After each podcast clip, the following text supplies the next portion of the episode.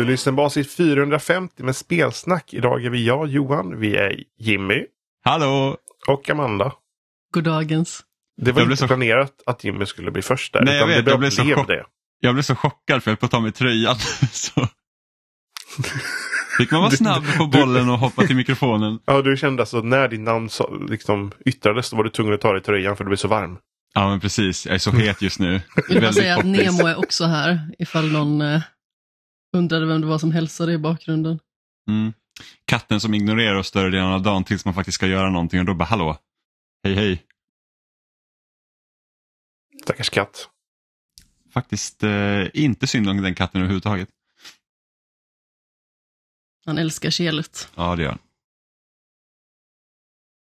Väldigt kelhängsen av sig. Det var framförallt väldigt roligt när du satt och hade möte och han bara krävde din- uppmärksamhet genom att gå in och bita dig i armbågen. Ja, han bet mig i armbågen ganska hårt också dessutom.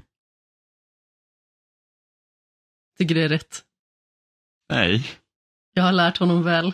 Eller när han sätter sig längst in i rummets hörn och bara ylar och tittar rätt in i väggen. Det är också fascinerande och han bara så här, vad håller du på med katt? Jag är lite mer diskret när jag vill ha någonting i sovrummet. Ja, Och sådana farsans förra katt kunde ju attackera och börja bita i smalbenen om man gick förbi kylen utan att ge en mat. ja men det, det respekterar jag ändå. Det tycker jag ändå är väldigt så här, han är väldigt eh, tydlig med vad man vill ha. Ja.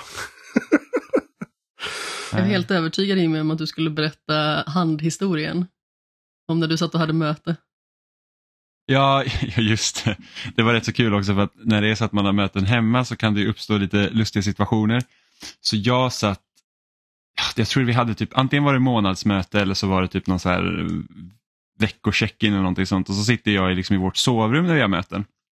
Och jag kör inte med sådana här blurriga teman eh, när man sitter i digitala möten så att man inte liksom ser bakgrunden utan jag, liksom, jag har bara på kameran och det får det.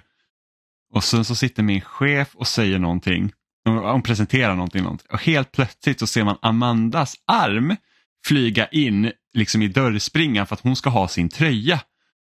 Och så letar den liksom, man ser den så här, den slider in eh, och sen så bara sht, upp, ner, upp, ner, ta tröjan, fort som fan vad rycker ut den och min chef ser ju det för det händer i bakgrunden liksom på mig så att hon börjar ju typ nästan skratta och har svårt att hålla sig för skratt. Men liksom säger ingenting om det. Eh, så det var väldigt roligt. Kan tilläggas att tröjan hänger liksom på en krok bakom dörren. Ja. Så att det, var, det, det var ganska kul. Sen brukar det inte hända så, alltså det har varit kanske någon gång typ man sitter med någon så kommer deras barn in och så de förstår liksom inte att det är mötesdags liksom. Utan de, Är det inte någons katt som brukar hoppa upp och sätta sig på personens tangentbord? Okej men så är det faktiskt. Det är att en av mina kollegor har en katt och den är typ så här, när den vill ha uppmärksamhet så är det inte som att den typ, ja men som vår katt och biter med armbågen utan den hoppar ju upp i knät och så ställer den sig framför kameran så i många gånger så har man liksom sett ja, hela röven då liksom i kamerabilden. Rätt in i stinky. Ja. Det, det kan bli så roliga saker när man har sådana här blurrade, eller något filter, bakgrundsfilter också. För eh, jag hade något möte och så hade jag sånt bakgrundsfilter på och då hade jag ju datorn fortfarande i vardagsrummet. Mm. Och så gick Evelina och satte sig i, i fåtöljen. Eh, och bakgrunden var typ någon sorts himlabild eller någonting. Och helt plötsligt så puffade Evelina och fåtöljen in i bilden mitt uppe i himlen. Så det var liksom, så, bara svävande där liksom. så, så typ, vad sitter ni med? Teams eller sitter ni med? Ja, det, Teams bara så bara, här kommer in en till person, den måste också vara med i bild. Ja. Ja. Eller typ när, eh, precis när pandemin startade och liksom det var så här viktiga högt uppsatta tjänstemän i USA som liksom satt med, med eh, de här kameraverktygen och sånt och helt plötsligt så var det någon, det var någon rättegång tror jag. Det var någon som hade liksom haft kattfiltret på. Och så liksom sitter han och säger så här, han bara, ja, men jag vill bara försäkra mig om att jag är ingen katt. Man visste inte att man skulle få bort filtret, det är så himla roligt. Det är typ gamla gubbar som inte vet hur liksom datorer fungerar. Ja, Det var väl barnbarnet som hade lekt med datorn tror jag. Det Vilka var vad han sa, gåvor. Ja. precis det är det han sa. Han har rollspelat katt. Ja. ja, då fick han liksom sitta och hå- hålla sitt, liksom, så här, typ, jag vet inte om det var någon försvarsadvokat eller någonting sånt, skulle förklara liksom det och så ser man, ja men det ser ut som ett Snapchat-filter liksom, har en katt. Man kan säga att det är svårt att ta så här slutpläderingen på allvar. Ja men verkligen, jag undrar hur liksom, nu vet inte jag vad utfallet blev av det, men liksom, hur, hur gör man? Liksom, säger man så här att okej, men vi får pausa för att vi kan liksom inte, alltså Det kan påverka Vi har en juryn. kattfiltersituation här. Ja, men så här, det kan påverka juryn att du sitter här som en katt för att liksom, du är inte trovärdig längre. Eller liksom, jag vet inte. Alltså ha med Det- folk på distans är ju ingen ny sak för pandemin egentligen. Det har man väl i rättegångar om det är någon som är vittne eller något liknande och inte lyckas Jo. att kalla hem till landet. Men då undrar jag om det, då sitter man väl säkert inte på sin privata liksom, arbetsdator då, om det är ett vittne utan då lär det väl vara folk som har kommit dit med grejer som de får koppla upp sig via. Ja, det vet jag faktiskt inte. Jag vet inte heller, men det verkar i alla fall vara nytt för de här gamla äppelskrutten. 100 procent. Men det är väldigt roligt i alla fall. Eh, men det har ju hänt lite grejer i veckan. Faktiskt. Beroende på lite. Eller? Lite. Ja men lite. lite, men vi lite fick- men, men det har hänt fick- någonting. Ja. Ja men det har det. Vi fick ju faktiskt den första trailern på Super Mario-filmen.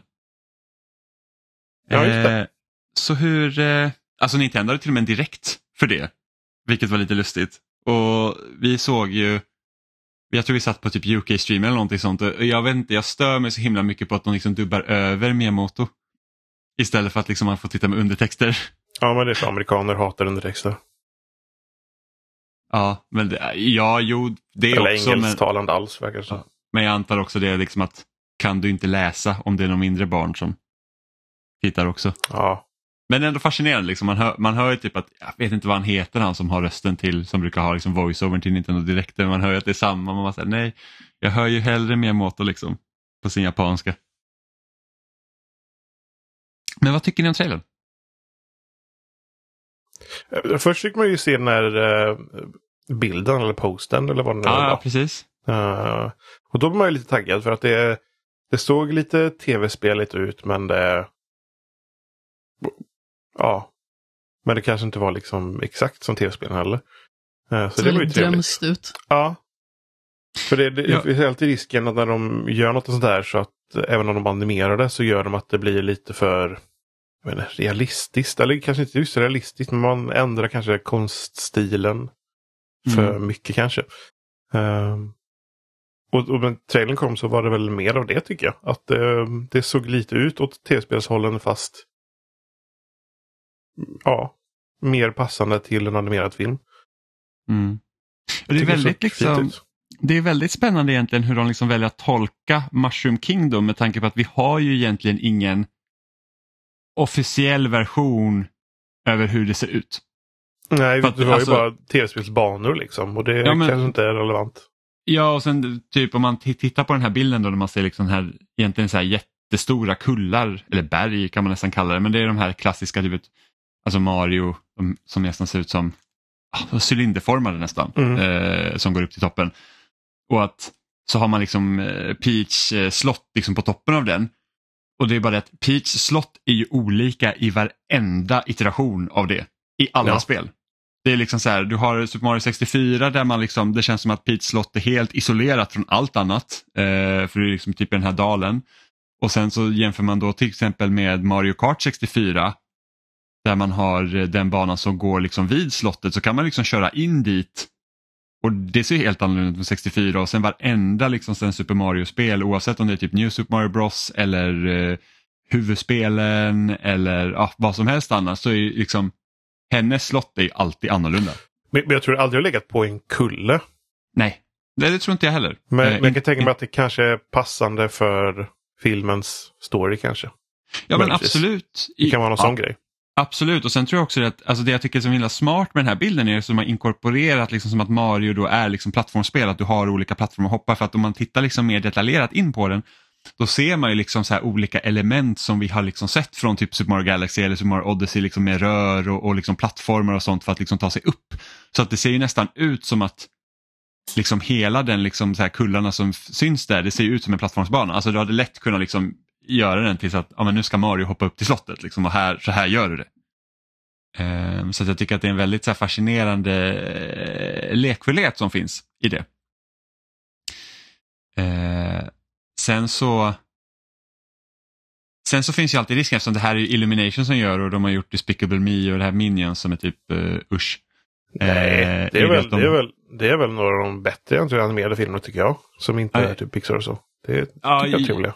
Jag har inte sett, Sen- jag har inte sett man- Despicable Me eller, men jag, jag vet bara att jag inte tycker om Minions. Jag Jo, jo. men. Minions är väl kanske Alltså hade man bara sett filmerna och det bara varit Minions där hade det kanske varit okej. Men Minions har blivit en, en grej. Ja, så det precis. överladdas och blir för mycket liksom. Um, Ja, Men, men, eh, jag, jag tycker nog alltid att... Det tycker jag nog redan när du utannonserades när att just de skulle göra filmen. Att det kändes passande för deras eh, stil känns som att det skulle kunna funka. Och det tycker jag man fick bekräftat här att det gjorde faktiskt. Mm, Jag tror jag bara för mig att Illumination är, de är alltså om man jämför dem med Pixar, liksom, som är den andra stora studion som gör såna här 3D filmer, så tycker jag att Illumination, de är lite plojiga. Ja, jo. Alltså det, det är liksom så att Pixar gör barnfilmer för en vuxen publik medan Illumination känns som att de liksom primärt gör barnfilmer. Mm. Och, Eh, Jag och det jag- behöver inte vara jag- något fel i det. Liksom, så. nej, för jag tycker nog att en Super Mario-film ska nog vara främst barnfilm. Även fast det kan vara kul att vuxna ser på den så tycker jag nog att det är de som borde vara. Absolut, absolut, det köper jag. Målgruppen. Men, eh, och det märker man också liksom när trailern kommer ut, liksom när du har när Bowser landar där med sitt typ vulkanslott utanför pingvinernas eh, ja, kungarike eller vad man ska kalla det och så kommer de ut där hur många som helst liksom och sen så börjar de liksom kasta snöbollar. Alltså det var ju ganska roligt. Ja, och, och att de inte fattade att snöbollarna inte gjorde någonting heller. Nej, precis. Det var ju ah, vi, vi kommer här med full kraft. Och det, det känns så här, alltså, hade jag förknippat någonting med Illumination så är det lite den typen av humor. Ja, Eh, och sen var det en annan sak som slog mig när jag liksom såg trailern. Jag var så här, det, det, jag var så här, hmm, det är ganska intressant liksom att de valde typ den här eh, det är nästan så här krigsvinkeln, liksom, att, att eh, Bowser kommer in och typ invaderar och sen så liksom blir det lite som ett slagfält. För jag tänkte, Ja. ja. det, jag tänkte det var lite lustigt så här, eh, att välja för Mario och sen så började jag liksom tänka på det lite djupare så bara, men det är ju faktiskt så det är i spelen också. Alltså den konflikten ligger ju egentligen i grunden i Super Mario. Det är inte bara det att Bowser har snott Princess Peach utan i varenda bana har han ju liksom invaderat och tagit över med liksom sina minions och Ja, de det. liksom, det är ju egentligen krig. Eh, så att då var jag så här att, ja men det är klart. Så det, det har jag liksom inte ens tänkt på. Jag tror att om jag hade själv liksom behövt fundera på att komponera ihop en Mario-film så kanske jag liksom inte hade ens funderat riktigt på det på det sättet. Men det är faktiskt så det är. så det var lite kul. Men sen Men, måste jag också säga att alltså, Jack Black som Bowser är ju liksom spot on. jag Alltså, jag tänkte tyckte det inte var- ens på att det var han när jag såg trailern. Nej. Jag hade glömt bort att det var han och när jag såg trailern så tänkte jag inte att det var han. Nej. Men jag gör ett jävligt bra jobb ändå. Ja, Måste jag ja säga. ja, det, det, är liksom var som man bra. tänker att Bowser är. Och jag känner liksom alltid när man hör de andra liksom prata, alltså pingvinerna kanske man inte kan säga så mycket om, men liksom typ som har eh, Kamek och sen så fick vi höra en Toad, liksom, det känns väldigt, väldigt bra. Sen har det ju varit väldigt kontrovers kring Chris Pratts röst som Mario och nu fick vi inte höra honom så mycket i den här trailern. Jag tycker inte att man hör tillräckligt mycket för att man ens ska Ja, kunna liksom bilda sig en större uppfattning om att usch. Men jag är förvånad över att så många är så här typ att ah, varför låter det inte mer som Mario gör i spelen? Och då undrar jag lite så här, vem hade orkat höra Mario som han låter i spelen i två timmar i en film och sen kunna ta det typ någorlunda seriöst? Nej, jag hade inte klarat av det i över tio minuter tror jag. Nej, 90 procent av replikerna är ja! Ja men sen så Mamma Mia! Och liksom typ sådana grejer. Man säger, ah, alltså det blir, det blir lite det blir lite jobbigt och jag hade tänkt mig så här att, att jag har inte kunnat tänka mig att Chris Pratt skulle låta mycket annorlunda än vad Chris Pratt gör vilket av trailern att döma så att man hör ju tydligt att det är Chris Pratt men det känns också som att det är en ganska Alltså jag tycker ändå rösten ligger på en bra nivå för att man ska känna att Mario liksom är en karaktär liksom mer än att, att bara så här ett ploj röst som spelen typ. Var det bara jag som tyckte att de här eh, små inslagen med Chris Pratt och Jack Black kändes så himla påklistrade? Ja, men så är det väl alltid typ den här formen av... Fast jag tyckte att det kändes ännu värre den här gången. Alltså jag satt verkligen och vred mig för jag tyckte att de kändes så pinsamma. Det kan ju hända också att det är på grund av liksom, vad ska man säga, Nintendo Directs, hur de framställs, tror jag. För det är liksom ingen intervju de kör helt plötsligt så här, utan det är förmodligen liksom inövat, säkert något manus de får sitta och läsa. Lite som typ när, vad fan var det, det var The Rock på, var det Game Awards? Eller var det på E3?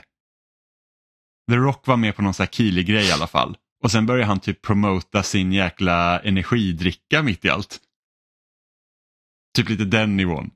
Men det kändes lite så, här, varsågod, här har ni ett manus när ni ska tacka och så säga hur fantastiska vi är. Varsågod, tack. Ja. Men sen i och för sig, jag har sett ganska mycket av Jack Black för han har ju en egen YouTube-kanal och lite sådana grejer. Och där, han kändes nog ändå rätt så mycket som han brukar göra. Men vad tyckte du om trailern då Amanda? Ja men alltså den var väl okej. Jag kan väl inte säga att jag känner mig superinvesterad i den här filmen på något sätt. Men jag tyckte det var ganska så roligt att eh, pingvinerna går så jäkla stenhårt till attack.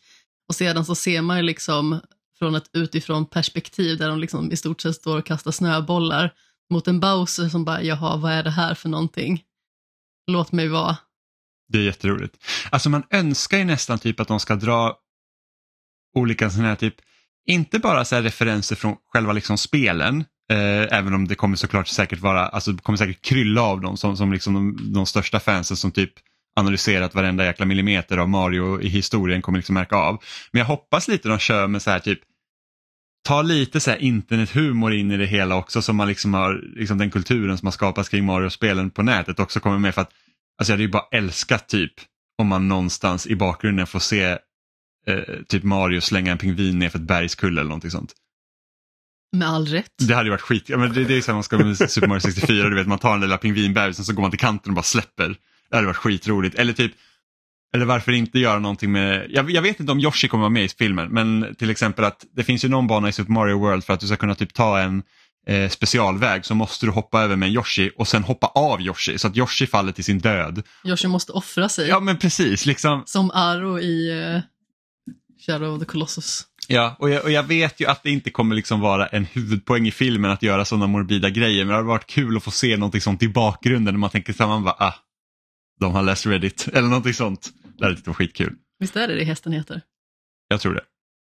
Men, men den största kontroversen på internet förutom då att eh, det inte är samma röst som i spelen är ju att eh, de har tagit bort Marios rumpa. Just det, och en Kotaku-artikel liksom att det var, vad, och jag kommer inte, den bilden de jämför med, det är väl inte Super Mario Odyssey eller? Tror du det? Tror du det? Jag har inte för mig att, att eh, Mario hade så väldefinierad rumpa i det spelet.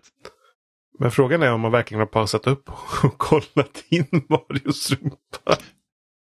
Ja, man vet aldrig. Men alltså det är typ, sen så har ju han lite lösare hängselbyxor i filmen än vad han vanligtvis har i spelen, ser det ut som också. Men visst, Marios rumpa är, Marios butt is missing. Ja, ja det, är- det tycker jag det är lite kontroversiellt ändå. Mm. Men sen måste jag också säga att jag tycker utseendet på karaktärerna också är spot on. Ja, nej det Tycker att den, den ser, de, har- de, de har gjort ändringar i typ Marios ansikte så att han faktiskt ska kunna göra ansiktsuttryck typ. Eh, Mm. Och det förstår man ju att man gör om man ska ha med honom i en film. Så det, ja men precis. Jag, vad ska jag säga Amanda? Eh, Jag vill bara säga att enligt internet så heter hästen Agro. Så eh, Ja, okej. innan någon skickar all, arga mejl till mig om eh, hur fel jag har om Shadow of the Colossus. Innan någon det. blir aggro om aggro. Precis. Ja. Jag, jag ser verkligen jättemycket fram emot den här filmen. Alltså, jag är väl inte så här superinvesterad i den heller men det, det känns liksom positivt att det inte ser helt åt helskotta skit ut. Mm. För det, Ja, det, alltså det är inte som typ när det var inte som när första trailern till Sonic-filmen kom. ja just det. Nej, nej. Och, man, och, jag- och Sonic såg ut som någon riktig så här typ Jag kan tänka mig att Nintendo har mest- kanske lärt sig lite av det. Alltså, jag tror de har ganska mycket eh, lite petkontroll i det här faktiskt. Det tror jag också och samtidigt så att de har redan gjort en Mario-film som är liksom sågad till fotknölarna. Ja, Och Nintendo på 90-talet sitter inte alls på samma position, eller satt inte på samma position som de gör idag.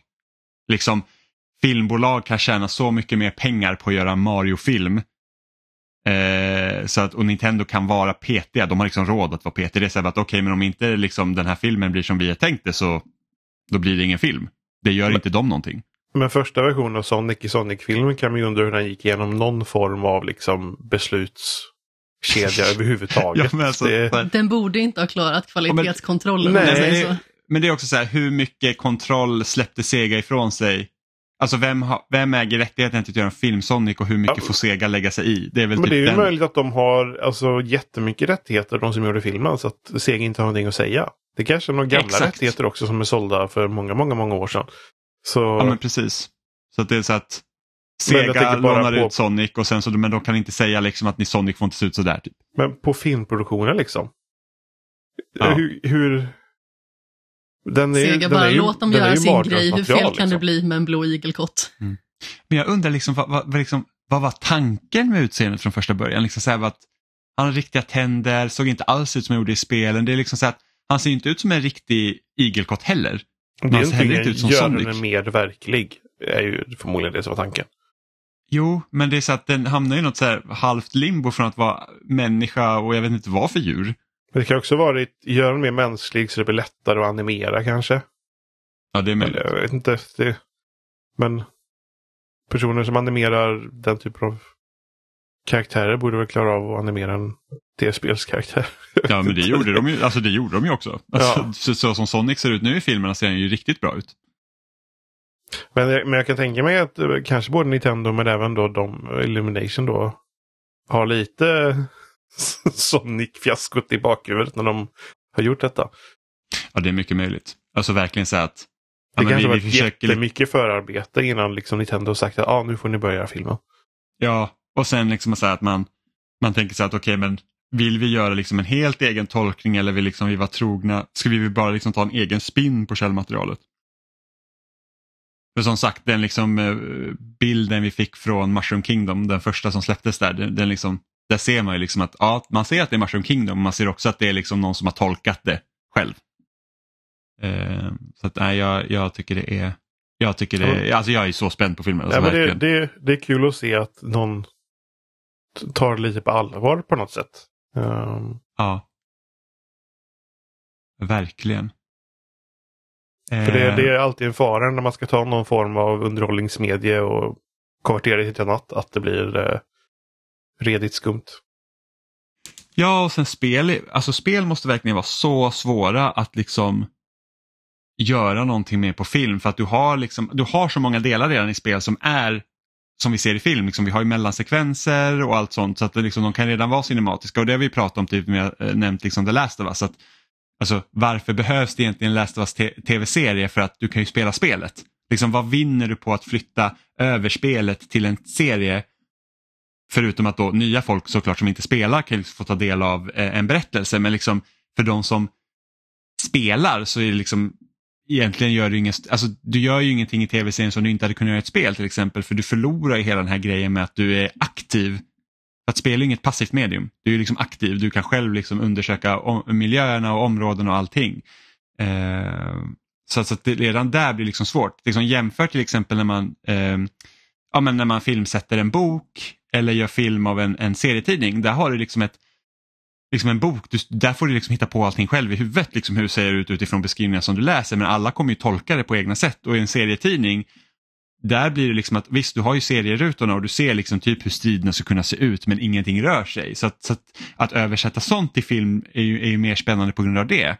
Medan när man tar spel till film då blir det en helt annan grej. De behöver ju i tv-serien brodera ut väldigt mycket mer liksom. Ja, förmodligen. Kommer man behöva liksom lä- lägga till. Ja, för att när vi spelar som Joel till exempel i första The Last of Us och man har Ellie med sig, då konverserar ju inte de exakt hela tiden. Det kommer ju lite små konversationsslingor då och då och interaktioner och sådär. Men sedan så har vi ju liksom alla spelmomenten som fyller ut en hel del. Då är det liksom inte precis som att de står och diskuterar livet eller vad man ska säga, utan då är det ju helt enkelt att man har korta repliker som, eh, som baseras liksom på striderna. Ja, och sen så kommer vi, vi kommer inte få liksom ett avsnitt där Joel och Ellie smyger liksom genom hus och liksom typ letar skrot samtidigt som de typ dödar fiender liksom i typ 40 minuter. Joel har hittat sju tejp. Ja, men, alltså, jag kan bara tänka mig det när de träffar på Bill. Man kommer in i hans verkstad där och sen bara Joel bara börjar plocka på sig en massa grejer i fickorna. Liksom. Men Det känns så fånigt i spel liksom, när de pratar med varandra. Man bara så här, och här är lite grejer jag kan behöva. Oh, spikar! Ja, så det är så kul. Men eh, jag, jag har en annan fråga. Nu när vi liksom får den här Super Mario-filmen då. Finns det några andra liksom Nintendo eh, serier som ni skulle vilja ha som film eller serie eller vad som helst? Om ni kommer vara på någonting på rak arm. Uh... De får gärna skippa och försöka göra Zelda i alla fall.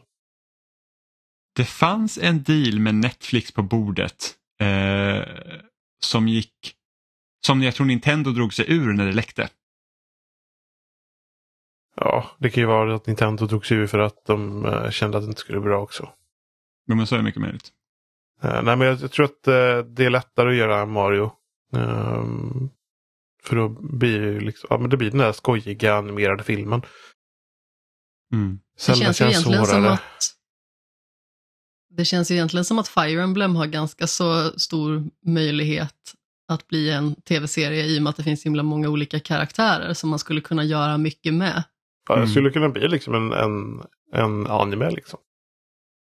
Exakt. Ja men precis, det hade man kunnat göra. Eh, jag tror att man hade kunnat göra så här en, en Animal Crossing animerad serie också. Finns det någon film? Ja, det finns det faktiskt. Det har du rätt i. Om det var inför DS-spelet skulle släppas eller något. Antingen Wild World eller New Leaf. New Leaf kan det ha varit. Man Um, ser den snikna Tom Nook. Nej, men alltså, det, det beror ju på helt... Alltså, det behöver ju vara ett, ett spel som ändå har rätt så mycket popularitet. Så det ska vara typ värt för filmbolaget att göra så det drar publik. Mm. Mario är en sån karaktär till exempel. Eh, men det hade väl kanske gått att göra typ uh, någonting av typ Advanced Wars till exempel. Men det är nog inte tillräckligt stort för att dra, ha liksom att dra publik-grejen. Äh, Så- och Nintendo tycks ju inte ens vilja släppa det där jävla spelet som de har haft klart nu i över ett år. Ja just det, men det kanske inte är så klart Jimmy. Men det var klart, de sköt upp det på grund av att det blir krig. Så Ja, det, är fort, Ja, det är fortfarande krig. eller så, ja. eller Ja, så det så väntar på hemskt att de skyller på det bara. Ah, jag har väntat på Advance Wars så himla länge. Och sen så bara äntligen skulle vi få någonting av det och sen så bara nej, vi, vi väntar. Jag vet inte, Metroid är väl kanske inte... Det är väl inte omöjligt men eftersom hon själv är mest ensam och själv när hon hoppar runt så är det ju svårare. Och sen är väl berättelsen i Metroid är väl inte riktigt så här A plus heller direkt. Nej, nej. Ja, Men alltså, men så, hade det varit mer, ännu, ännu, ännu mer populärt än vad det är. Hade det Ja, varit absolut. Mario populärt, då kanske de hade försökt ändå. Jo, det är sant. Jag är ju väldigt nyfiken på hur liksom, ett Metroid Prime 4 kommer se ut och hur det kommer tas emot eh, idag. När det liksom inte är på en plattform, alltså visst Wii var jättepopulär men det var liksom en helt annan målgrupp som den, den konsolen blev populär hos.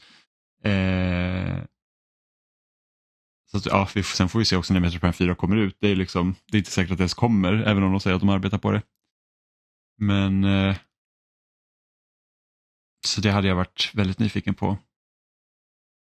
För det känns som att upplägget för ett Metroid, liksom, ett, ett, ett, liksom en större liksom, öppen värld i, i, i liksom ett Metroidvania-stuk då eh, tror jag kan- liksom slå hårdare idag än vad det gjorde liksom senast vi fick någonting från serien, alltså Prime-spelen då som var 2007, om man då inte räknar Federation Force eller vad den hette, men det, det räknar inte jag med. Men, men eh, när Metroid Prime 3 kom, för då var det väldigt mycket så här, men shooters var ju liksom the shit, men Prime är ju ingen shooter-serie på det sättet. Eh, och idag så är man mycket mer, idag är ju inte shooter-genren lika stor som den var under liksom peak 360-eran när typ allt kom var shooters. Nu är det ju nu är det mer öppna världar och sånt som är mer poppis. Faktiskt. Men Johan, du hade ju spelat eh, Ja just det, pang pang du hade ju faktiskt pangpangat lite. Jag Ja. hade också hoppats på att jag skulle fått pangpanga lite men eh, det har inte gått att komma in för mig. Jag, kom, jag har spelat en match av Overwatch 2. Så att Sen jag, är det för har, mycket eh, spel som du måste spela. ja, jag har två recensionsuppdrag som jag håller på med just nu. Vilket är ett spel har funnits ute till andra plattformar hur länge som helst men jag kan inte säga någonting om det förrän 17 oktober ändå. Trots att jag hade kunnat spela det på PS4 och kunna säga vad jag vill. Eh, och ett annat spel som är nytt då. Eh, så, så att jag har fått prioritera. Men eh, hur är Overwatch 2 Johan? Alltså det är verkligen som stor del av internet säger att det är Overwatch 1.5. det, det känns som att hoppa in i Overwatch igen. Och det finns ju nya saker i spelet men eh, men det är ju ganska många matcher man hoppar in i som det är samma banor som man kört förut. Sådär. Men det gör ingenting för att allt funkar och sådär. Så det, det flyter liksom på och det är riktigt kul.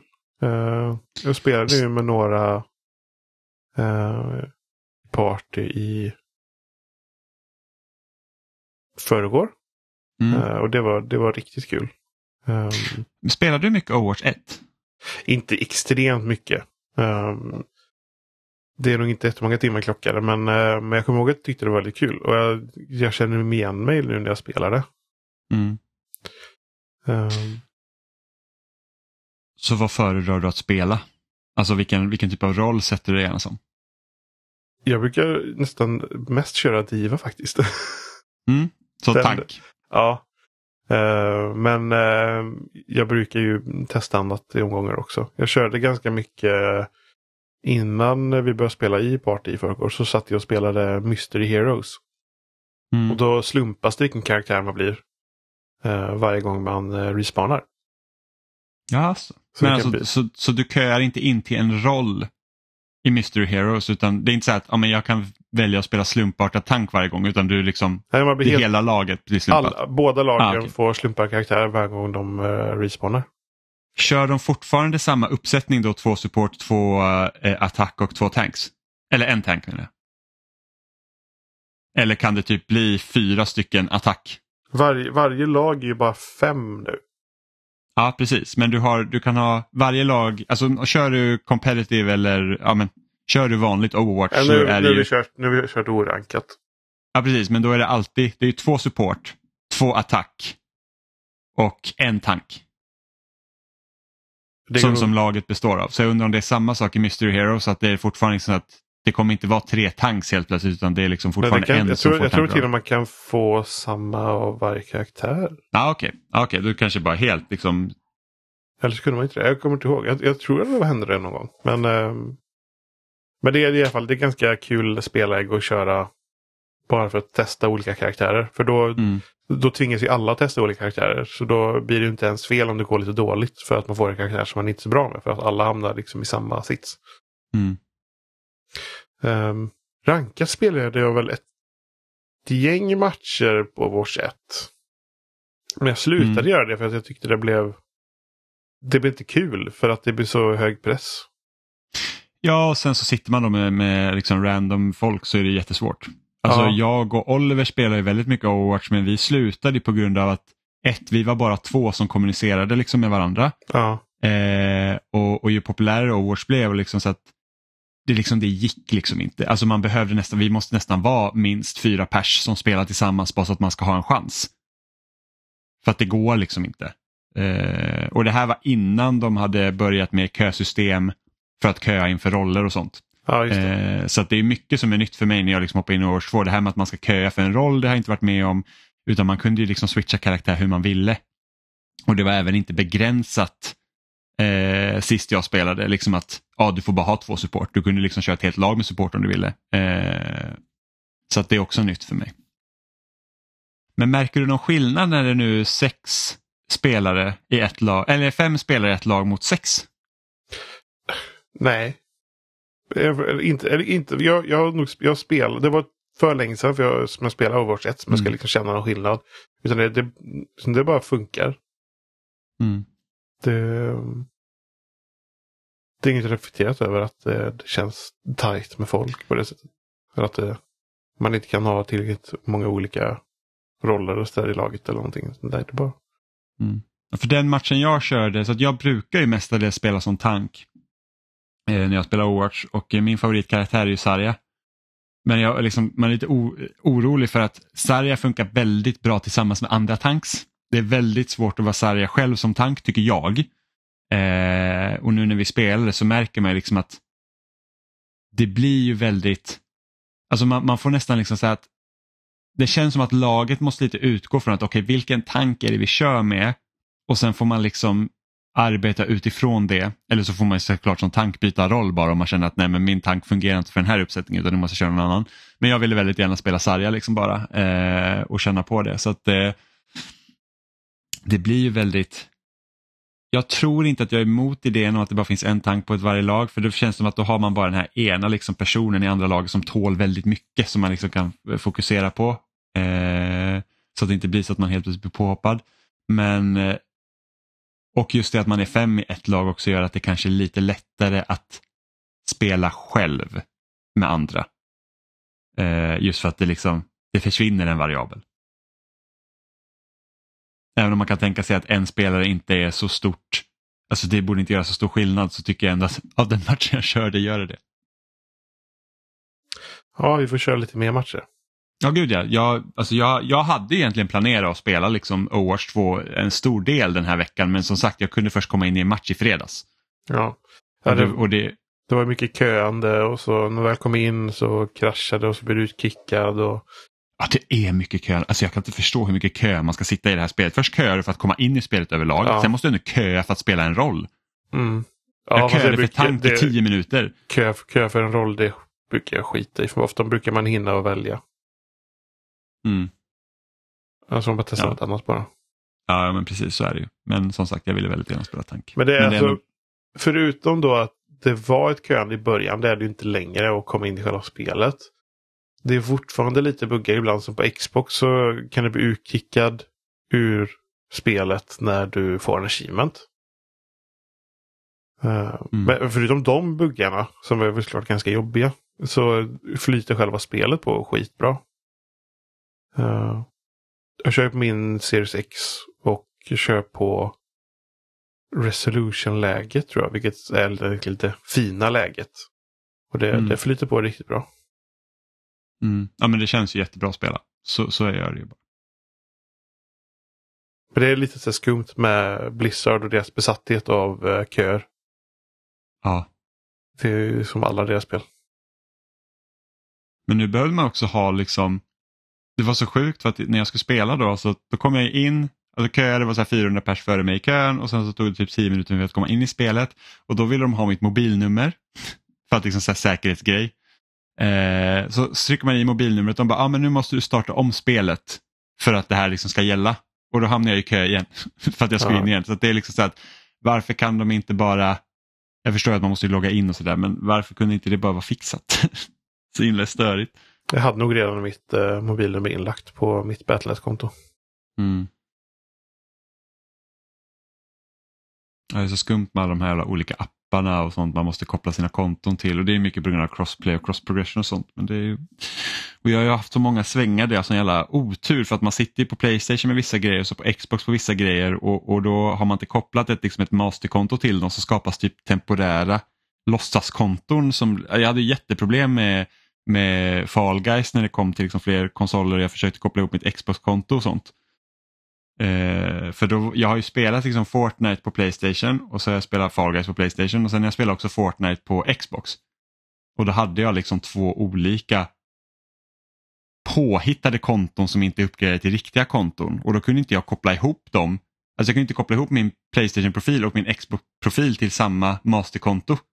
För att då Mhm. var de redan använda till något annat. Alltså, och så fick man kontakta supporten och supporten har ju absolut noll koll på hur saker och ting fungerar.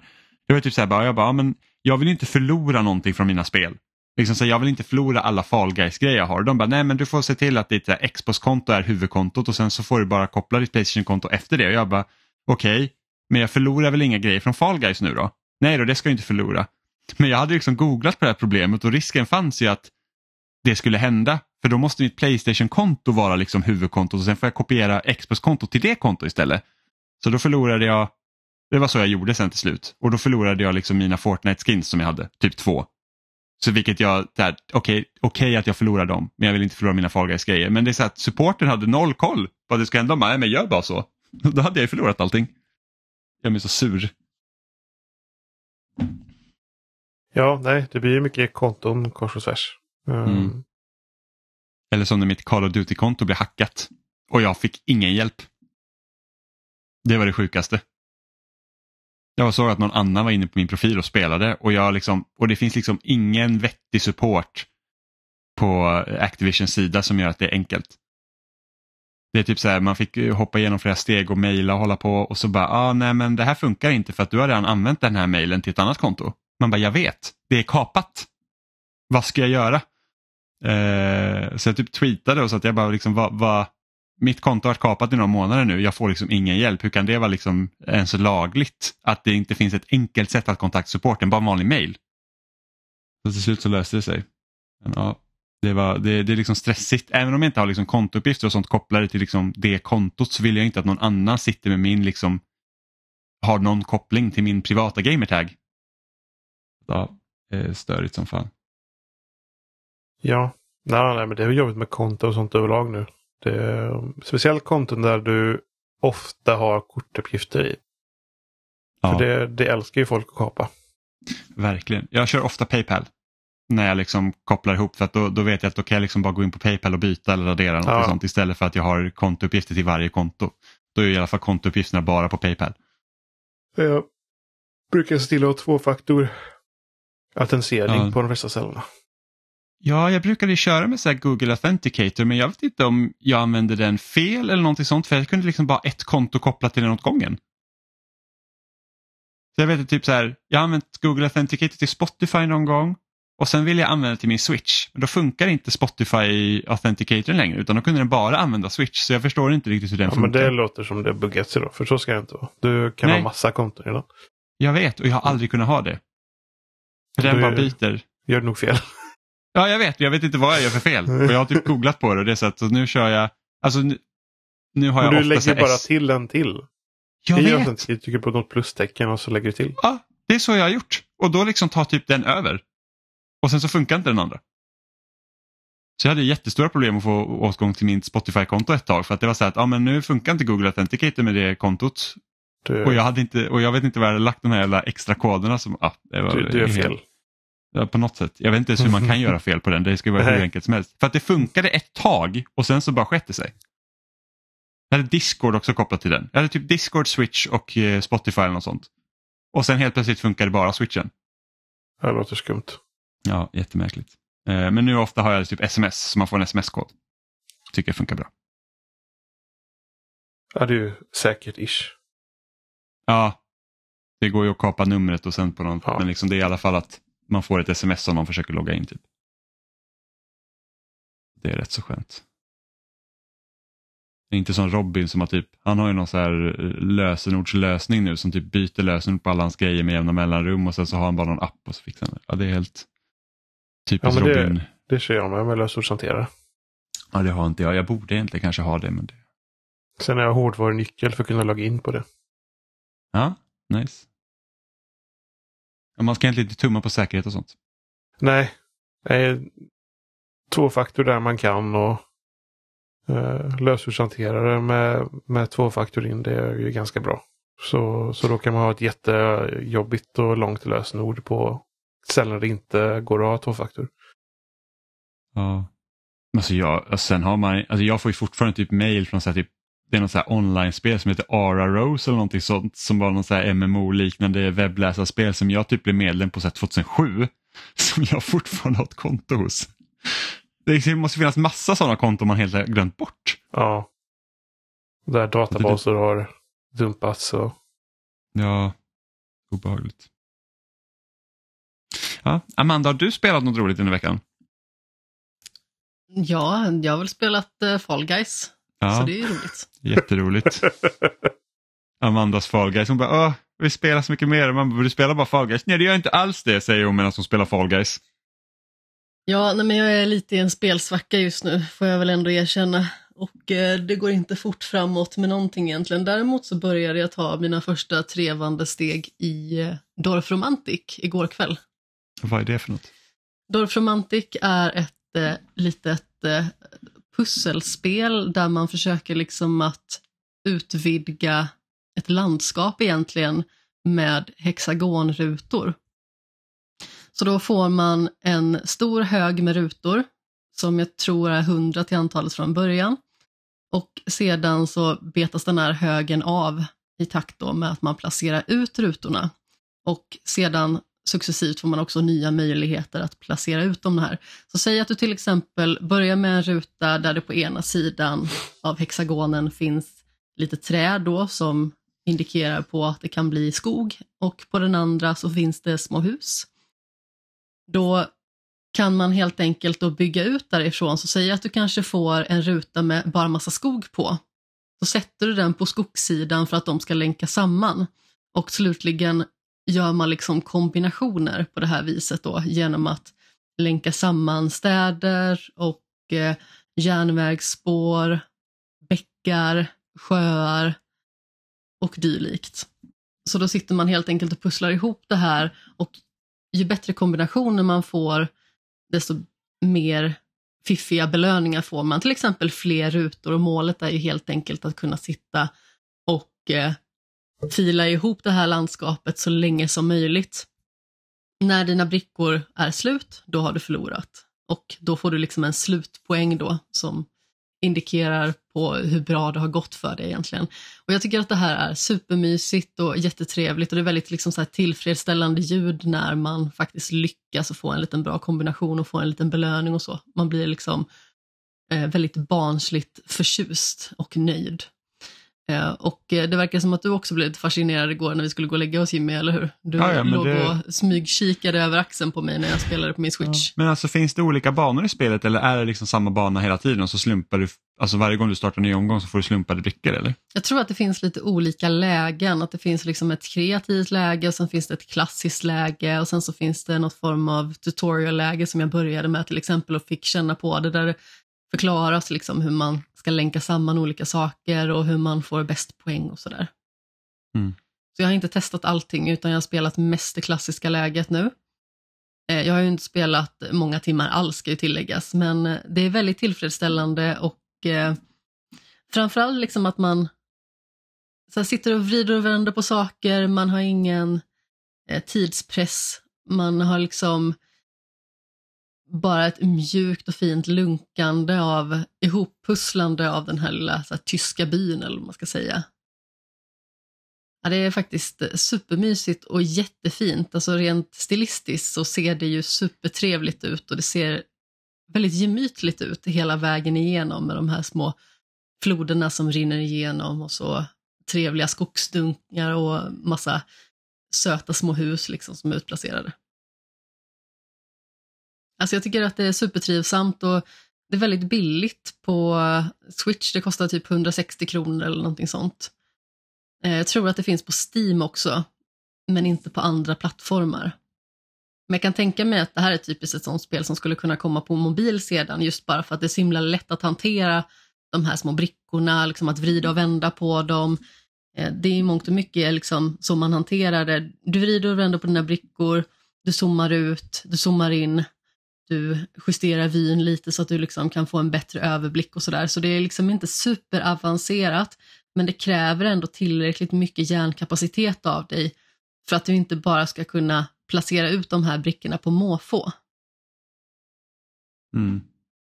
Jag, jag, jag sökte på det på ä, eh, App Store för att jag tänker mig att det är kanske så här spel som skulle kunna finnas på Ja men på mobil då, som du sa. Och Apple Arcade har ju typ eh, fångat upp typ den här typen av spel flera gånger. Eh, jag, såg en, jag såg en kopia Ah, som typ okej. släpptes för mm, misstänkt eh, några dagar efter Dorsromantic. Ja, men det är ju illa. Det var ju samma sak med Unpacking. Där fanns ju också en Unpacking-kopia på mobil. Och det var ju liksom väldigt osnyggt gjort. Mm. Alltså, för det blir liksom så uppenbart också att det är fuskeri. Ja, ja, men så är det typ. Jag vet att Threes har ju liksom flera stycken spel som har, eh, där det var någon sån här jättestor, eh, alltså det var nästan så att den, den kopian av Threes var ju nästan större än huvudspelet. Liksom. Ja, Eh, och sen vet jag att typ Ridiculous Fishing när det kom fick också någon sån här kopia och App Store är jättedåliga på att ta bort den. Sen fick jag en annan otrevlig app som heter Dorfnet som känns lite, lite suspekt. får jag se. Ja, det är någon så här reseguide i Tyskland. Men det var en väldigt ful eh, bild. Ja, den var kanske inte så jättestilig. Nej, jag, undrar vem, jag undrar vem som har tagit fram den här maskoten. Det är typ så här en jättehårig Dessutom var en jättehårig person, nästan sån här Herman Hedning fast avlång. Eh, och ja, Ja, lite stinky. ja men lite så. Men jag vet inte. Stinky My möter Smart kusin Life Det. Guide. Så det verkar vara någon sån här typ turistgrej för någon stad i Tyskland. Ja, alltså Dorf betyder väl by på tyska. Ja, Så jag Dorf. antar liksom att det är... Det eh, bynätet. Ja, men exakt. ja, Att man det- kanske ska uppta, eh, upptäcka Tysklands eh, små byar. Alltså den eh, tyska eh, naturen och så. Alltså det är faktiskt väldigt trevligt. Man tänker ju liksom kanske på Tyskland som någonting som är väldigt så här stelt och, och grått egentligen. Men det finns väldigt mycket så här fina landskap och mysiga byar och eh, framförallt så ser man ju liksom väldigt mycket gammalt arv också när man åker igenom typ fästningar och, och sådant. Och även liksom uppe i Österrike, Schweiz. Kan man använda sig av Dorfnet? Precis. Ja, ja men roligt. Jag, jag tycker att det estetiskt så påminner det lite om det här. ehm, det var det spel, jag spelade det för, eh, kan det vara något år sedan? När man Skulle, Townscaper. just det, Townscaper. Mm, ja, men lite granna faktiskt. Bara det att jag tycker ju att rent metodiskt så föredrar jag det här spelet för att man får liksom en form av belöning och man liksom känner sig duktig och man har lite grann ett mål, man har någonting att utgå ifrån. Du har din hög med hexagoner som fylls på när du gör något riktigt bra och som sedan då successivt minskar när du gör dina drag. Medan i Townscraper så var det ju liksom mer att här har du ett meditativt verktyg för att bara placera ut olika typer av hus och bygga dem på varandra och göra huslängor och sådär i vackra, mysiga färger. Och det var ju liksom tillfredsställande på ett annat sätt, liksom en kreativ ådra eller för den delen liksom bara känslan av, av stillhet, att man är aktiv men man behöver liksom inte vara aktiv på ett sätt som är krävande. Ja, nej, Townscaper är ju, där finns ju inget mål förutom att du ska bara bygga. Exakt. Så det är väldigt meditativt på det sättet. Ja, och eh, jag har för mig att du tog eh, alla achievements Ja, ja, men det var ju super. Men jag har i ju spelat, efterhand bara för att du kände att eh, du ville ha lite lätta poäng. Ja, ja, men jag spelade det på Switch och sen så kom det, tror det kom på Game Pass på Xbox. Så, då, Ja, det gjorde du nog faktiskt. ja. Ja. så då var det bara att ladda ner och plocka allting. Det gick ju väldigt fort. Faktiskt. ja, och dina spel den här veckan kan vi ju inte riktigt prata om. Det är synd. Nej, nej det går inte. Jag praktiskt taget får inte. Hade jag spelat det ena spelet på PS4 hade jag kunnat säga precis allting jag kunde om det spelet. Det är väl på måndagen eh, 17, nästa vecka. ja, 17 får så förhoppningsvis har jag två recensioner klara då. Yes. Och jag i min tur har ju samma vecka också två stycken recensionsspel. De släpps dagarna efter varandra. Mm. Och sedan har jag ytterligare ett recensionsspel som släpps ett kort tag därefter, men där chansen är väldigt stor att jag får recensionsexemplar ganska mycket tidigare. Så jag kommer ju också sitta där med tre spel i knät. Och det låter ju som att vi beklagar oss, men det gör vi absolut inte. Vi tycker att det är jätteroligt. Men när det är den här perfekta stormen av att många stora grejer kommer på en och samma gång, eh, då är det ju alltså, dels lite svårt att, så här, hur ska man prioritera? Vilket ska jag välja liksom, att eh, lägga krut på först? Och förhoppningsvis så får man ju något spel lite tidigare. Ja, Nej, men det var som sagt, jag hade planerat att spela Overwatch 2 en stor del den här veckan och då var så att Du kom inte in. nej, för att det spelet jag spelar är typ 120 timmar långt så att eh, bara ge sig in. eh, och sen, men jag tycker fortfarande det är ändå kul. Jag kan inte säga någonting om spelet trots att det har funnits ute i flera år. Ja, det är faktiskt ganska kul. Jag har för mig att eh, det har varit liksom sådana typer av embargon på andra spel också som jag recenserat, som faktiskt har liksom släppts betydligt tidigare fast på andra plattformar. Mm. Eh, och eh, det känns ju lite märkligt på sina sätt. Mm. Ja, men jag kan förstå det på visst sätt, liksom så att ja, men såklart ingen ska ha en fördel eh, mot att släppa sin recension tidigare eller och sen säga så att det är ju faktiskt en plattform som spelet inte har funnits på tidigare och då blir det liksom så, det är annat så här typ att oh, nu kommer Gold Edition av Assassin's Creed Valhalla och det får du inte prata om. Och man bara, vad är det för skillnad mot vanliga Valhalla? Ja, det är allt DLC också som har funnits ute ett tag. Då bara, mm, Men nu är det så här, tänk om det här spelet hade kört som skit på den här plattformen jag spelar på, då hade inte jag fått säga det. Nej, men exakt. Så Och det är väl sådana det- små detaljer också. Men det är också kul, så här, den bara, så här, bara, ah, du får inte prata om vad som händer och efter det här datumet i recensionen. Och Man säger, men alltså spelet har funnits ute sedan x antal år tillbaka. Jag kan, goog- jag kan liksom youtuba slutet. det är liksom... För det tror jag när det här spelet kom ut också. Från början så hade det funnits ute i Japan ett tag redan. Eh, och då var det också så här att du får inte, så man bara, jag kan, jag kan se slutet. Liksom på Youtube, det finns där redan. Ja, det är lite spännande. Men Johan, du hade väl spelat lite Grounded också här om veckan? Ja, det kanske inte pratade någonting för, för Nej, jag veckan. tror inte att vi pratade om det förra veckan. Jo, men vi spelar väl en liten session eh, med, med Filip. Ja, jag hade ju också planerat att vara med på det, men det hände inte av an anledningar. Så tyvärr. Men för att Grounded kom ju ut nu i ur Early Access egentligen, så att det är Ja. liksom 1.0-releasen. Och... Så hur, hur Vi är det? Vi har väl inte spelat så mycket mer tror jag än det jag hade testat i ja, tidigare, liksom när det släpptes första gången om man säger så. Mm. Ehm, vi dog mycket och det var jobbigt för då förlorar man alla sina items. Och så måste man gå till en större kropp och hämta dem. Och där var ofta något farligt monster som man faktiskt dog av för första gången. Så man Ska kunde man inte få tillbaka alla saker så man var tvungen att samla ihop saker igen. Sådana här saker. Ehm, Alltså det är lite typ, vad ska man säga, DC-hållet fast inte zombies. Ja, och det är väl kanske inte lika hårt som DC heller för du har ju inte andra Nej. spelare som är elaka. Ja, precis. För här, för i Grounded kan du väl bygga baser och lite sånt va? Ja, man kan göra lite tält. Ja, man kan bygga baser också. Det kan man nog. Men vi har inte hunnit att göra det. Jag hann inte göra det. långt. Nej. Men, ja, men det, det, älsk, älsklingar krympte barnen the game typ. Och så går man runt och hittar olika saker och ledtrådar och får lite uppdrag och går vidare och hittar lite saker. Och Mm. under spelets gång så dör man väldigt mycket av olika stora småkryp. Så hur gör, alltså hur löser de det rent liksom lårmässigt när barnen dör? Alltså dör du eller liksom vad händer? Man bara respawnar. Ja, ja men det är liksom inte någon, det finns liksom ingen förklaring. Nej, jag tror inte det. Nej okej, jag tänkte bara hur man har löst liksom att, att barn dör av någon stor spindel eller någonting sånt. Har du träffat spindlar? Ja, men det gör man ganska tidigt. Ja, usch vad det är äckligt. Nej, det var inte farligt. Det jobbiga är att man dör. Jimmy såg en spindel i garaget häromdagen. Den var död, han blev ändå rädd för den. Ja men det var jätte, det jätte, alltså, jättestor platt spindel som ligger där på golvet. Jag ryser varje gång jag måste gå över den. Det är vidrigt där. Alltså jag, jag avskyr spindlar så himla mycket. Men vi, vi trodde väl att man kan ju höja och sänka svårighetsgraden. Så vi tänkte att man får nog kanske sänka svårighetsgraden för att inte bli för frustrerad. Eh, Mm. och sen kanske det hade hjälpt om man var liksom ett fullt lag. Också. Ja, det är fyra pers va? Ja. Det är fyra olika karaktärer.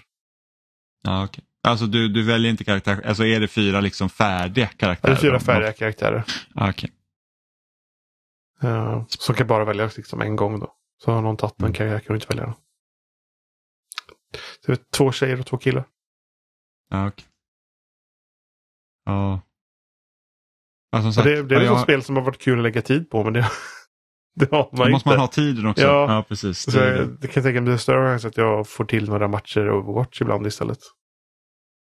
Ja, du får i alla fall köa i Overwatch. Ja, Jag är fortfarande bitter över att det tog så lång tid för mig att hoppa in i en match. Det var så Ja. jag hade 40 minuter, han spelade en match på grund av att jag satt i kö. Så. men det är ju Denna problem också. bitterhet Alltså, märks knappt. vi, var ju, vi var ju fyra pers när vi spelade års två. Mm. Så vi var alltså en mindre än lagstorlek. Så Ja, snitttiden, tar det- snitttiden kom in i match var nog sex minuter tror jag. Ah, det är för lång tid. Ja, Jag, jag önskar att Overwatch 2 hade liksom ett läge där det är mer som Alltså ett riktigt casual läge där det är så att ja, men, kör vilken komp ni vill. Liksom. Vill ni vara fyra support så var det. Men liksom det- som det gamla men var. gör inte det Arcade då? Det finns ju massa knasiga lägen. Kanske. Jag, som sagt jag har inte kollat det mycket. Men eh, är det inte så att det är Arcade och går inte liksom in och ut lite lägen i det? Det Jo, inte kanske det hela gör. tiden beständigt. Men där finns det mer knasiga saker i alla fall. Mm. Ja, men vi, vi, får, vi får köra Overwatch någon kväll. Ja absolut, jag är, jag är väldigt på. Men det är så att är så svårt att hinna med alla multiplayer-spel, speciellt när allt har battle passes nu för tiden. Mm, det är bara att ignorera. Det orkar jag inte bry mig om. Vi pratade om det ganska mycket när vi, när vi satt och spelade. Att det är liksom väldigt stressmoment. Mm. Eh, Men eh, personligen skulle jag bara skita i att bara spela matcherna. Nej, men jag, vet inte, jag, blir, jag, blir, jag blir nästan liksom låst när jag ser liksom att det är battle, alltså varenda spel Ja, liksom men har det, väl, det, det finns så många free to play multiplayer-spel. Och det är väl ett sätt för spelen att försöka att binda fast dig. Ja, ja, det, jag går förstår inte, ju det går inte att satsa på alla battle passes. Du måste satsa på ett. Satsa på våra. Nej. Kom. Jag Det vill vet. säga Fall Guys. Och det är ju liksom så här att det är såklart, det är ju till för dem som säger att ah, men här är mitt spel nu. Så, Ja. så att det är ju till för dem. Men det är, jag, jag känner mig ändå liksom stressad. Det är typ som nu Fall Guys fick 200 nivåer och liksom det tar längre tid att levla upp och jag blir så här bara, alltså jag blir nästan otaggad på att spela överhuvudtaget. Jimmy vill inte vara med mig längre. Men, eh, Nej, men det, är bara, det är liksom bara så att, alltså jag vill inte att, det kändes rimligt när Battle Passes var 40 nivåer och det tog typ en, man kunde liksom komma igenom det på några veckor. Stefan, ring mig. Vi behöver spela Fall Guys. Så att det är liksom så här, och, och jag vill ju gärna ta alla nivåer i Battle Passes på Fall Guys bara för att jag har gjort det hittills. Men nu blir det liksom så här att alltså jag, jag vill inte bara spela Fall Guys. Jag vill liksom inte att det ska kännas som ett deltidsarbete. Jag vill bara att det ska vara bara fun times. Jag tycker fortfarande att det bara är fun times. Ja, ja men det är kul för dig. Jag spelar mer än Fall Guys. Ja, Men det gör jag också. Det är bara det att jag har haft en lite halvjobbig period som har tagit rätt så mycket energi av mig, vilket har gjort att jag inte har orkat spela lika mycket som du har orkat spela. Jo, jo, men så är det. Men alltså, till exempel, jag tog ju, jag tog ju Battle Passet i Halo exempelvis. Eh, har jag ju tagit de två som har kommit. Det är skönt att det ändå är ganska långa avstånd mellan dem. Men det... Ja, nej, jag gillar, jag gillar det inte. Sen vet inte jag hur de kommer lösa det Overwatch 2 med tanke på att den här nya karaktären, hon är ju i Battle Passet. Så antingen köper du Battle Passet och då får du den automatiskt eller så levlar du upp till typ 50 eller någonting sånt och så ja, får det, du henne. det där är lite skumt. För att det går att spela henne i... Det är bara i ranked som du behöver låsa upp henne. Jaha. Okej, Så det... Ja. Okej, men vad, vad, händer när, när, vad händer när säsongen är slut och Battle Pass försvinner? Kan man inte låsa upp henne längre då? Hur gör de då? Har de sagt någonting om det? Vet Ja, du det? Ingen aning. Nej, jag hatar Nej, Battle men det är liksom, tycker jag det är väl lesser of two evils i alla fall om man har lootboxer i andra änden. Jo, samtidigt var ju lootboxes i Overwatch inte det var inte den sämsta implementationen Nej, av nej. det systemet och inga karaktärer låg ju bakom det. Alltså, de, är, de är ju varit tvungna att ta bort lootboxes nu när det förbjuds i mer fler och fler länder. Ja, absolut. Det, det är bara alltså, så här. Låt mig köpa det jag vill köpa. Så, så enkelt är det. det är liksom så här, låt mig bara köpa. Om, om jag vill ha det här skinnet, låt mig köpa det. Låt, liksom, jag vill inte köpa ett lotteri för att få det skinnet jag vill ha. Ja. Så att, det, det är ju positiv utveckling. Men jag tycker inte om att de låser karaktärer bakom det. För karaktärer, och speciellt ett spel som Overwatch tycker jag bara karaktärer borde vara öppet för alla. Det är liksom så att det är så stor grej i spelet. Jag vet inte riktigt hur de har tänkt där. Speciellt eftersom det bara verkar vara i ranked. För gå in i liksom spellistan så är det ett hänglås på karaktären. Så står det att den här karaktären är låst för att spela i, i ranked games. Jaha. Mm. Och det har de ju också att när nu, nya spelare för Overwatch, alltså sådana som inte har spelat Overwatch 1 nu, de måste typ spela 100 matcher eller något sånt för att kunna låsa upp alla karaktärer som finns upplåsta i ettan till exempel. Jaha. Jag spelade ju Okej. bara betan var det, tror jag. Och du kan ju också vara med på Overwatch och det är gratis. Mm, jag vet, du har sagt det. Roligt, roligt. Vi får se. Ja, Eh, det Det enda minnet jag har av Overwatch det är ju liksom typ att jag skulle skriva en så här förhandstitt om betan och sitter liksom på mitt golv i min nya lägenhet och spelar det för att jag har inga möbler. Och eh, jag har till och med en bild på det här, liksom tvn står på golvet med min Playstation 4 och eh, sedan så ligger det liksom så här kartonger öppnade då med hyllor och grejer. Eh, och jag väntar liksom på att det ska gå, jag tror att det är tre veckor till innan jag får liksom resten av mina möbler. Så jag var tvungen att bo hos mina föräldrar under den perioden. Eh, Så jag satt och recenserade på golvet. Nöden har ingen lag. Så är det. Ja, nej Johan, vad säger du? Nej, jag tror att, väl att vi har pratat om det vi hade planerat att prata om. Ja, Det har hänt saker, men det har inte hänt jättemycket saker den här veckan. nej. Och sen har du ju varit lite låst då med dina, dina embargon. Precis. Jag började ju spela Let's Build a Zoo som jag hade tänkt att det skulle liksom vara någonting som man kunde varva med och det fick jag ju liksom ge upp. Det enda som hände var typ att jag fick typ 300 kaniner för jävlar vad de pökar på varandra. Du fick Det är klart att de gör. Det är precis som i verkliga livet. helhjärtat på dina sp- spel. Ja, Ja, precis. Ja nej, vi, vi finns som vanligt på spelsnack.com. Och där är lite länkar till alla ställen där vi finns. Och eh, vi finns där poddar finns. Och finns vi inte där dina poddar finns så är det bara att mejla. Eh, kontakt spelsnack.com. Och till samma mejladress kan ni ställa frågor om ni vill också. Eh, men det går ju även att göra det på alla kommentarsfält på alla sociala medier där det finns också. Självklart. Ja. Ja, loading.se varje vecka. Vi, vi hörs. Det gör vi. Hej. Hej då. Puss i ömskan.